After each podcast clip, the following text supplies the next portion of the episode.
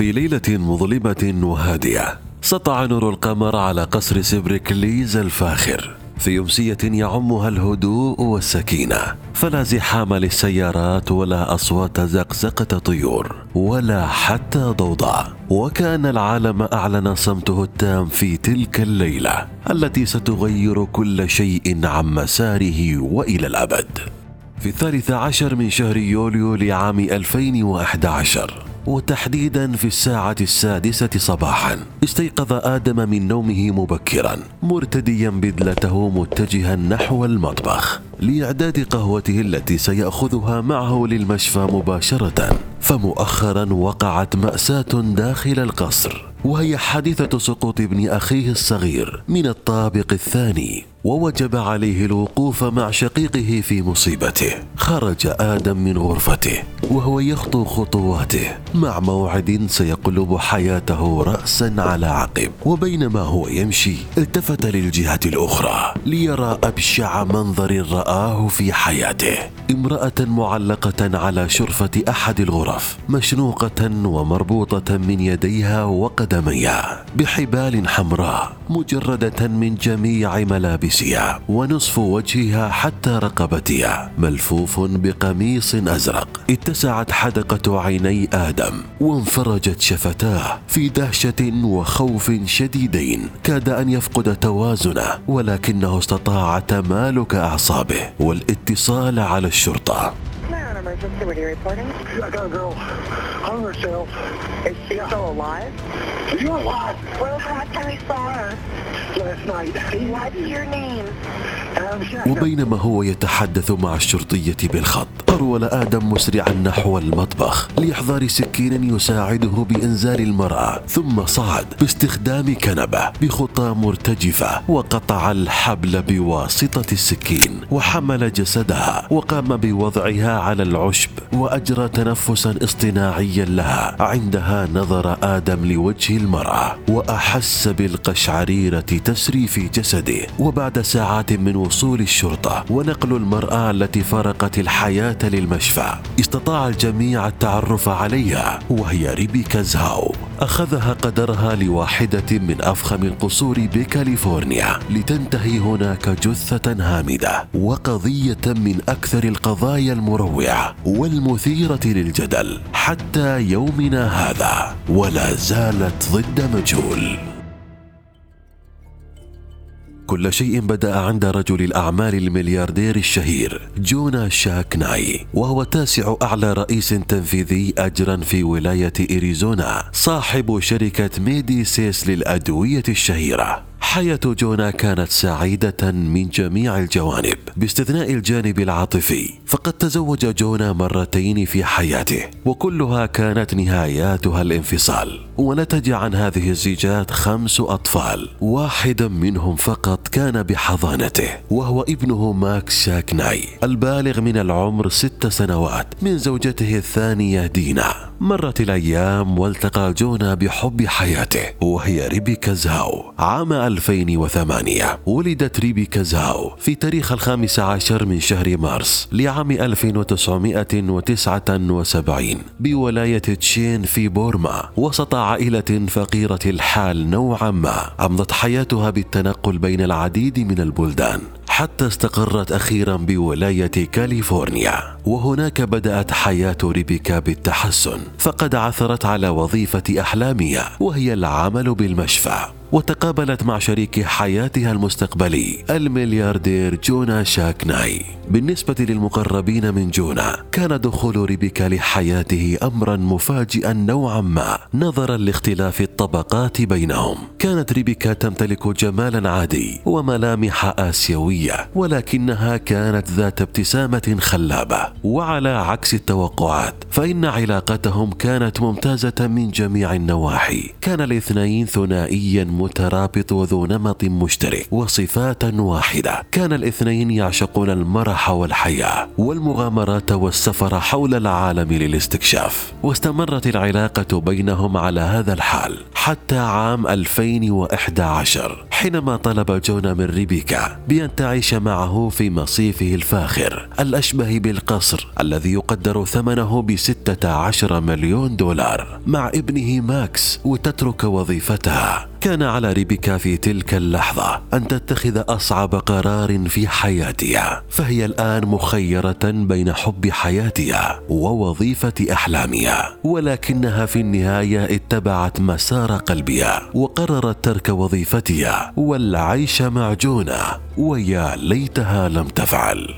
هناك بالمصيف كل شيء كان يسير على ما يرام. كان جونا يذهب للعمل كل يوم وريبيكا تبقى بالمنزل تنشغل بهوايتها المفضلة وهي الرسم وتعتني بالطفل الصغير ماكس. كما لو كان ابنها الصغير كانت علاقة الطفل ماكس وريبيكا قوية. فقد كانا متعلقين ببعضهم كثيرا وهذا الشيء أثار غيرة دينا الزوجة السابقة لجونا وأم ماكس الحقيقية وزاد حقدها على ريبيكا بعد فترة من الزمن جاءت شقيقة ريبيكا الصغرى زينة من بورما لزيارتها. وقضت عندها بالمصيف عدة أيام فقط وكان الجميع مستمتع بوقته حتى حل ذلك اليوم المشؤوم الذي كان بداية المشاكل التي لا تنتهي والذي قلب كل شيء في حياة ريبيكا للأبد. وفي الحادي عشر من شهر يوليو لعام 2011 ذهبت ريبيكا لكي تستحم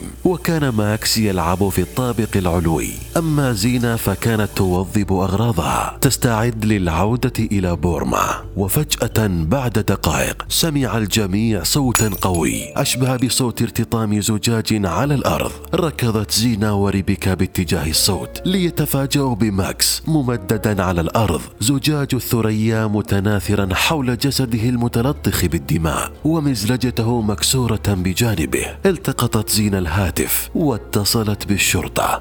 911, where's your emergency? He fell down the stairs. He's not breathing.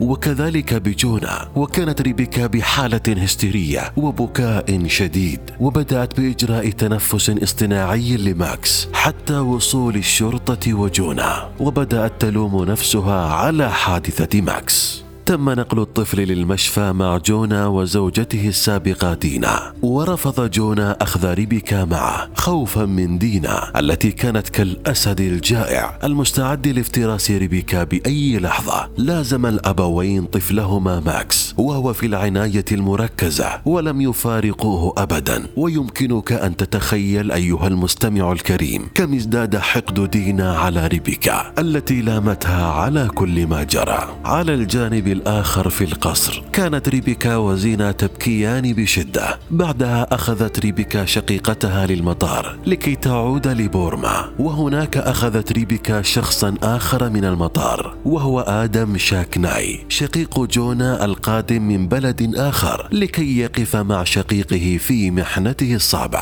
وكان آدم سيقيم في أحد غرف القصر الفاخر مع ريبيكا. أما جونا فكان يقيم في منزل أحد أصدقائه القريب من المشفى. أما والدة ماكس دينا كانت تبيت عند شقيقتها نينا وتأتي كل مرة تفتح فيها المشفى. موعد الزيارة. وفي ليلة الثانية عشر من شهر يوليو لعام 2011 الساعة الثامنة مساء كانت ريبيكا تجري اتصالا مع شقيقتها الكبرى ماري. تتحدث معها عما حدث مؤخرا بالقصر. وكانت ريبيكا جدا متوترة وخائفة من موقف جونا معها. فما الذي سوف يحصل لها إذا مات ماكس الصغير؟ بعد ذلك أقفلت ريبيكا الخط واتجهت لغرفتها وخططت أنها ستذهب في صباح اليوم التالي لزيارة ماكس بالمشفى. ولكن هذا الأمر لم يتحقق للأسف لأنه في صباح اليوم التالي تم العثور على جثة ريبيكا زهاو من قبل آدم شاكناي. كما ذكرت ببداية القصة اتصل آدم بشقيقه جونا الذي كان بجانب سرير ابنه الذي يصارع الموت لكي يعلمه بخبر موت حبيبته ريبيكا. جونا انهار تماما.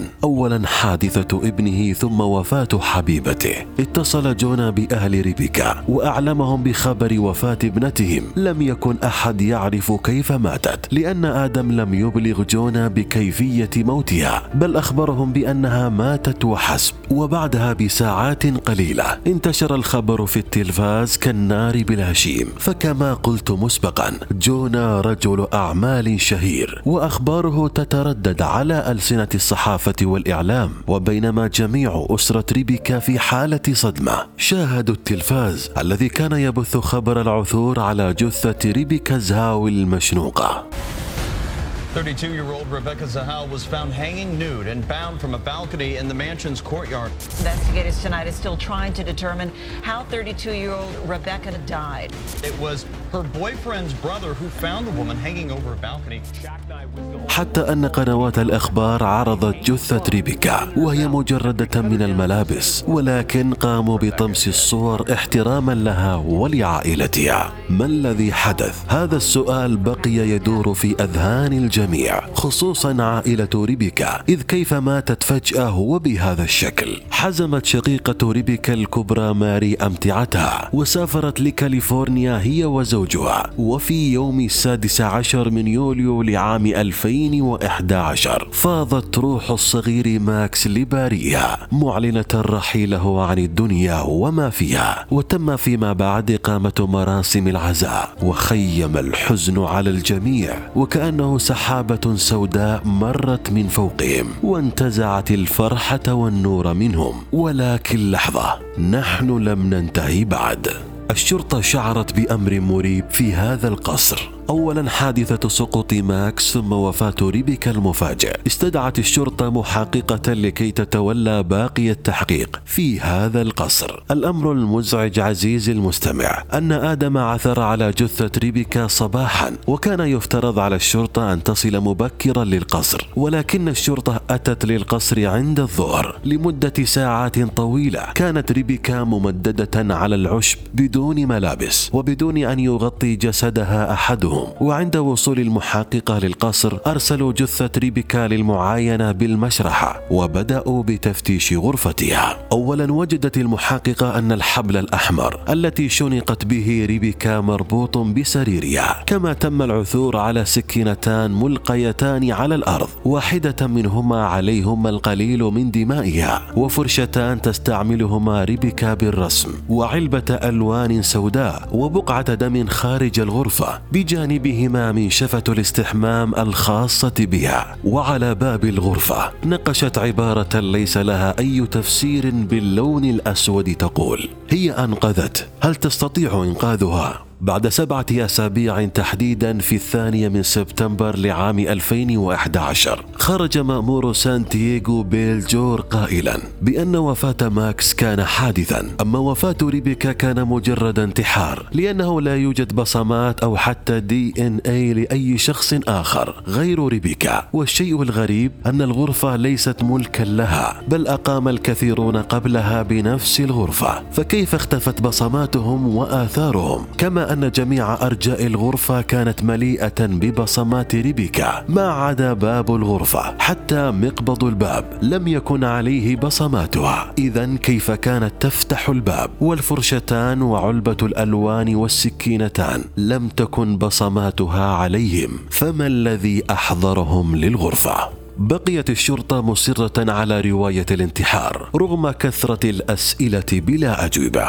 عائلة ريبيكا كانت متأكدة بأن ابنتهم ما كانت لتنهي حياتها بتلك الطريقة. طبعا أي عائلة كانت ستقول هذا، ولكن ريبيكا كانت شديدة التدين، فقد نشأت بعائلة متدينة، والانتحار أمر محرم بالنسبة لهم. استعانت العائلة بطبيبة شرعية خاصة لكي تذهب وتفحص غرفة ريبيكا بنفسها وأبدت الطبيبة استياؤها الشديد من برود الشرطة خلال التحقيق قائلة I was impressed by the amount of evidence that was collected in this case, but never presented publicly. And this is exactly why Keith hired me. بأن كمية الأدلة الجنائية في الغرفة كانت كثيرة والشرطة لم تعر أي اهتمام لها كما لو كانت غير موجودة. لنفترض جميعا بأن ريبيكا انتحرت. برأيك عزيزي المستمع ما الذي سوف يجعل هذه السيدة تنتحر؟ هل السبب هو حادثة الطفل ماكس؟ بالطبع لا لأن ماكس كان بين الحياة والموت وعلى أمل أن يعيش. هل كانت ريبيكا تعاني من أي أمراض نفسية؟ طبعا لا. هل كانت تعاني من أي نوع من الاعتداء أو العنف؟ لا. هل كانت بحالة حزن خطيرة؟ لا فهي كانت حزينة ولكن لم يصل فيها حد الاكتئاب. بالحقيقة ريبيكا كان لديها الكثير من الخطط المستقبلية للقيام بها. فنحن هنا نتحدث عن إنسانة طموحة شقت طريقها من الفقر حتى وصلت لمرحلة ممتازة في حياتها وكانت تنوي الإقبال على المزيد من التغيير. التغييرات الإيجابية. إذا ما هو دافع انتحارها؟ انقسم الناس بين مؤيد لنظرية الانتحار وبين مؤيد لنظرية القتل وعلى أثر هذا الاحتدام بين الطرفين استدعت الشرطة آدم شاكناي الذي اكتشف جثة ريبيكا للتحقيق وأجرت له اختبار كشف الكذب وفشل آدم بالاختبار مرتين. الأمر الذي زاد شكوك الناس به أكثر هو أنه تم أخذ جميع الأدوات بمسرح الجريمة. ومن ضمنها الكنبة التي صعد إليها آدم لإنزال جسد ريبيكا المعلق واكتشفت الشرطة بأنها مكونة من ثلاثة أرجل فقط ولا يمكنها تحمل شخص بوزن آدم. إذا كيف استطاع التسلق فوقها؟ وإنزال جسد ريبيكا الكبير. كما اكتشفت الشرطة دليلا آخر. ولكن هذا الدليل زاد الأمر حيرة أكثر وهو أن الحبل المقطوع كان أطول من آدم بكثير بمعنى أدق أن طول الحبل الذي قطعه آدم لكي ينزل ريبيكا طويل جدا مقارنة بطوله. كيف استطاع هذا الرجل قطع الحبل من مسافة أطول منه؟ إن كنت تذكر عزيزي المستمع كنا قد ذكرنا ببداية القصة أن آدم قام بعمل تنفس اصطناعي لريبيكا وقطع الحبل بالسكين وأنزلها. ولكن المفاجأة كانت بأن بصمات آدم لم تكن على جسدها.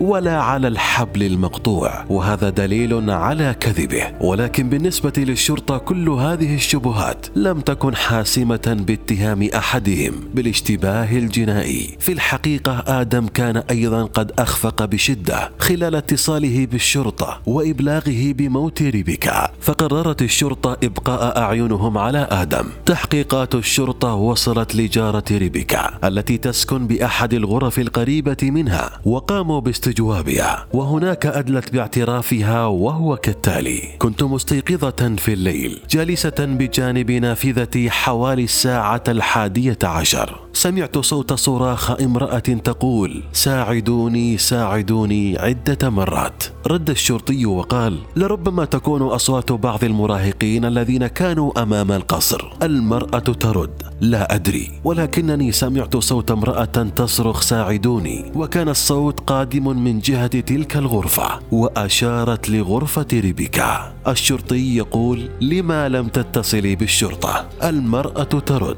كنت سأتصل ولكن صوت المرأة توقف فظننت أن أحدا ما ساعدها ويبدو أنني كنت مخطئة. الشرطي يقول ألم تسمعي أي شيء آخر؟ وهنا تقول المرأة بعد ثواني معدودة من سماع صوت الصراخ سمعت صوت أغاني صاخبة قادمة من نفس مصدر الصوت. واستمرت الأغاني الصاخبة نصف ساعة. العجيب أيضا أنها ليست الوحيدة التي سمعت صوت الأغاني بل جميع الجيران سمعوا. بالعودة لمسرح الجريمة فئة خاصة من الشرطة المسؤولة عن عمل التجارب قامت بعمل أكثر من تجربة تصور لنا موت ريبيكا من جميع الاحتمالات سواء من ناحية نظرية الانتحار أو نظرية القتل. ونتائج الاختبارات خرجت بتحليلات غير دقيقة. لنظرية الانتحار. فيما بعد وأخيرا خرجت نتائج تشريح جسد ريبيكا ولكن لم يتم الإعلان عنها بل خلال جلسة المحاكمة استعانت عائلة زهاو بمحامي بارع اسمه كيث وقام بشيء غريب غير متوقع. أحضر كيث دمية من غرفة زهاو. تشبه ريبيكا ذو ملامح آسيوية بنفس شكل جسد ريبيكا ونفس وزنها. وأيضا أحضر الطبيب الذي شرح جسد ريبيكا الحقيقي وطلب منه أن يقوم بشرح كل شيء وجده أثناء التشريح على هذه الدمية. الطبيب قال الجسد كان مليء بالخربشات والجروح وتوجد علامات تحرش على جسد المجني عليها وآثار مقاومة. وفي تشريح ريبيكا الثاني والأخير اكتشف الطبيب ما يلي. اولا أربع ضربات برأس ريبيكا نتيجة آداة قاسية أدت لنزيف في راسها ثانيا يوجد عظمة ضمن فقرات عنق الإنسان تنكسر يدويا بفعل فاعل وكانت هذه العظمة مكسورة بعنق ريبيكا. واكتشف الطبيب أن سبب وفاة ريبيكا هو الخنق اليدوي بمعنى أن شخصا ما قام بخنقها حتى فارقت الحياة. وللأسف مع كل هذه الشبهات ما زال مأمور المقاطعة مصر على أن ريبيكا انتحرت ولم يدان أي شخص والقضية كانت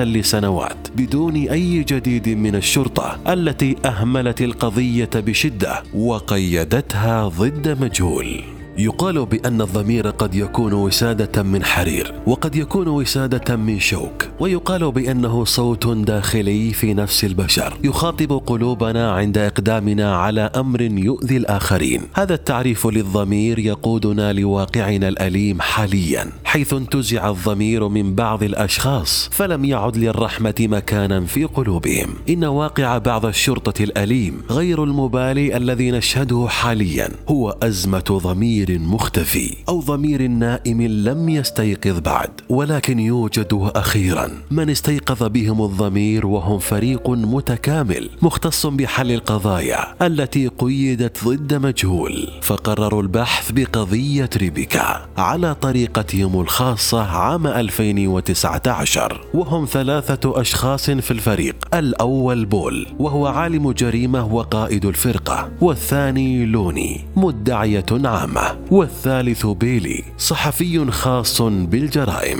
كان هذا الفريق من أشد المؤمنين بأن الذي حصل مع ريبيكا هو جريمة وليس انتحار. ولكن كان عليهم أن يثبتوا هذا الأمر. لذلك بدأوا بالتحقيق من جديد لكي يجمعوا أدلة جديدة. أول أمر بدأ الفريق بالتحقيق فيه هو الحبل الذي ربطت به ريبيكا. حيث لاحظ الفريق الجديد أن ربطة الحبل كانت جدا معقدة ويمكن للشخص أن يربط نفسه بهذه الطريقة ولكن ليس أي أحد. إذ لماذا يتكبد أي شخص عناء كل هذا؟ من أجل الانتحار. لماذا لم تلقي بنفسها من الشرفة وحسب؟ ولماذا خلعت ملابسها؟ قرر الفريق الجديد فحص جهاز الحاسب الموجود بالقصر الذي لم تفحصه الشرطة. ووجد الفريق الجديد مجموعة من الأبحاث غير الأخلاقية مثل خنق وشنق وتعري وانتحار ومكممه هو ربط وآسيوي. ولو لاحظت عزيزي المستمع بأن هذه الأبحاث وكأنها تصف لنا كيفية موت ريبيكا. والمشكلة أننا لا نعلم من قام بالبحث لأن الحاسوب بالقصر والكثير استخدموه وفي أثناء الغوص بالتحقيق أكثر صدم الفريق عندما استطاعوا العثور على دي إن اي شخص مجهول مع دي إن اي ريبيكا. المشكلة أن عينة الحمض النووي جدا صغيرة ولم يتم معاينتها من قبل الشرطة وكأنها لم تكن موجودة بالأصل. الفريق الجديد أيقن تماما كمية إهمال الشرطة وتجاهلهم للكثير من الحقائق ولكن هل هذا نتيجة إهمال وعدم خبرة أم إهمال متعمد؟ ذهب الفريق الجديد واستجوب كل شخص له علاقة بريبيكا أو قام بالتواصل معها وكانت إفادتهم كالتالي. بالنسبة لجونا فطوال الوقت كان بالمشفى ولديه دليل براءة قوي لأن كاميرات مراقبة المشفى صورت جميع تحركاته في ليلة مقتل ريبيكا أما دينا زوجة جونا السابقة كانت أيضا بالمشفى ما عدا أوقات منع الزيارة بالإضافة أن كاميرات المشفى التقطت أمرا غريبا وهي أن دينا كانت تقف أمام باب المشفى كل عشرين دقيقة وكأنها تنتظر أحدهم. أما نينا شقيقة دينا أفادت بأنها ذهبت للقصر بليلة مقتل ريبيكا ولكنها غادرت فيما بعد لأن القصر كان جدا مظلم ولا يوجد فيه أي تحرك به كما لو كانت ريبيكا نائمة. أما آدم فليس لديه أي دليل براءة. كانت عائلة زهاو في حالة خيبة أمل من برود القضاء مع قضية ابنتهم لسنوات ولكن إرادة الله فوق كل شيء وفجأة يظهر شخص جديد معنا وهو شاهد عيان كان مارا بالصدفة في ليلة مقتل ريبيكا. ذهب للفريق واعترف لهم بما شاهده في تلك الليلة. يقول الشاب أنا أستقل دراجتي دوما عندما أعود من العمل وأمر من جانب القصر. وفي ليلة الثانية عشر من يوليو لعام 2011 كنت عائدا من عملي ومررت من جانب القصر ولمحت أمرا استوقفني للحظات. كانت هناك امرأة تقف أمام الباب وهي متوترة بشدة وبشكل غريب. كانت مترددة والقصر مظلم وبشكل مخيف. ذكرنا منذ قليل بأن نينا ذهبت للقصر مساء ليلة مقتل ريبيكا لكي تراها. ولكن عندما تم عرض صورة نينا ودينا على الشاب كانت المفاجأة بأن المرأة التي رآها الشاب كانت دينا وليست نينا. وطبعا كعادة الشرطة كذبت الشاب بحجة أن القصر كان مظلما فكيف سيرى المرأة؟ ولكن الشاب أكد بأنه رأى وجه دينا جيدا. بعد ذلك ذهب الفريق الجديد لشخص آخر لاستجوابه وهي زينة شقيقة ريبيكا الصغرى. كانوا فقط يريدون أن يسألوها عن لحظاتها الأخيرة مع شقيقتها قبل أن تسافر وهل لاحظت شيئا غريبا عليها؟ لعلهم يجدون دليلا آخر. بدأت زينة بالكلام قائلة. كانت ريبيكا حزينة وخائفة على ماكس في أثناء اتصالي بالشرطة وبينما كانت أختي تبكي. لاحظت أنها كانت تتمتم بكلمات لم أفهمها. اقتربت منها وسألتها وقالت لي بأن دينا سوف تقتلها ولكني لم أفهم الجملة حينها. كل شخص قريب من ريبيكا يعرف جيدا أن علاقتها مع دينا سيئة لأبعد الحدود نظرا لغيرة دينا المستمرة من ريبيكا وأخيرا وليس اخرا. استجوب الفريق الجديد آخر شخص وهو رجل كان مرشح ليترأس وظيفة المأمور في مركز شرطة سان دييغو. وأقسم هذا الرجل من قبل على أنه لو فاز بالوظيفة بأنه سيفتح قضية ريبيكا ولكنه للأسف لم يفز. ذهب الفريق لاستجوابه وقاموا بسؤاله عدة أسئلة وسنذكر أهمها. بيلي الصحفي يسأل. بالنسبة كم بالمئة تعتقد أن قسم الشرطة موافق على فتح قضية ريبيكا. الشرطي يرد ويقول خمسون بالمئة. وهنا بيلي يسأل. هل يوجد أي شخص من القسم طلب منه إغلاق قضية ريبيكا وعدم التحقيق فيها؟ الشرطي يرد. وهو في حالة صدمة من السؤال. ثم ابتسم قليلا وأومأ برأسه دليلا على الموافقة. وقال أيضا بأن المأمور بيل جور جاء لمركز الشرطة وأخبرنا بأنه لا داعي بأن نحقق بالقضية لأنها مجرد انتحار. وهنا تأكدت شكوك الفريق الجديد بأن هناك من يسعى لغلق القضية والتستر على الأدلة. أكمل بيلي أسئلته قائلا. هل جونا شاك ناي معروف لدى قسم الشرطة؟ الشرطي يقول نعم. بيلي يسأل هل يتصل بكم؟ الشرطي نعم ولكن لا يتصل بنا نحن. بيلي يقول ماذا تقصد؟ الشرطي كل مرة يتصل بنا جونا شاك ناي يتم تحويله مباشرة لمأمور الشرطة بيل جور حتى أن جونا أخبر المأمور بأن أسهم شركته تنخفض بسبب قضية ريبيكا فقام جونا بدفع مبالغ كبيرة من أجل إغلاق القضية. مرت الأيام وحان الوقت الذي أراد فيه الفريق الجديد تسليم جميع تحقيقاتهم وأدلتهم لمركز الشرطة. فهل تعتقد أيها المستمع الكريم أن الشرطة قبلت تحقيقات الفريق بعد كل هذا التعب والجهد والوقت؟ الشرطة تجاهلت الفريق تماما ورفضت الرد عليهم حتى ذهب الفريق بنفسه لمركز الشرطة وسلم التحقيقات لهم. فهل قبلت الشرطة فتح القضية مرة أخرى؟ ليومنا هذا لم تقبل الشرطة أبدا فتح القضية. وفي عام 2019 وضعت شقيقة ريبيكا مكافأة 100 ألف دولار لأي شخص يدلي بمعلومة عن مقتل ريبيكا. نظريات مقتل ريبيكا كالتالي. النظرية الأولى. أولا جونا شاك ناي قتل ريبيكا زهاو بدليل أنه أراد إغلاق القضية بسرعة مهما كلف الثمن من أجل شركته. النظرية الثانية. دينا قتلت ريبيكا بسبب غيرتها الشديدة منها ولاعتقادها أن حادثة ماكس كانت هي السبب فيها. النظرية الثالثة. آدم قتل ريبيكا من غير قصد بعد أن تحرش بها وأراد تغطية جريمته فقام بتمثيل حادثة انتحارها النظرية الرابعة جونا ودينا وآدم تآمروا على قتل ريبيكا بعد أن خطط شخص واحد منهم لقتلها وكل شخص تورط بطريقته الخاصة واجتهدوا لإغلاق القضية. النظرية الخامسة وهي الأضعف بأن ريبيكا انتحرت بالشرف الآسيوي وهو معتقد مشهور عند الآسيويين يتبعه البعض بأن الشخص الذي ارتكب ذنبا يعاقب نفسه بالموت بطريقة معقدة تكفيرا لذنبه. إلى هنا عزيزي المستمع. وحتى يومنا هذا ما زالت عائلة زهاو تحارب من أجل أن تحقق العدالة لابنتهم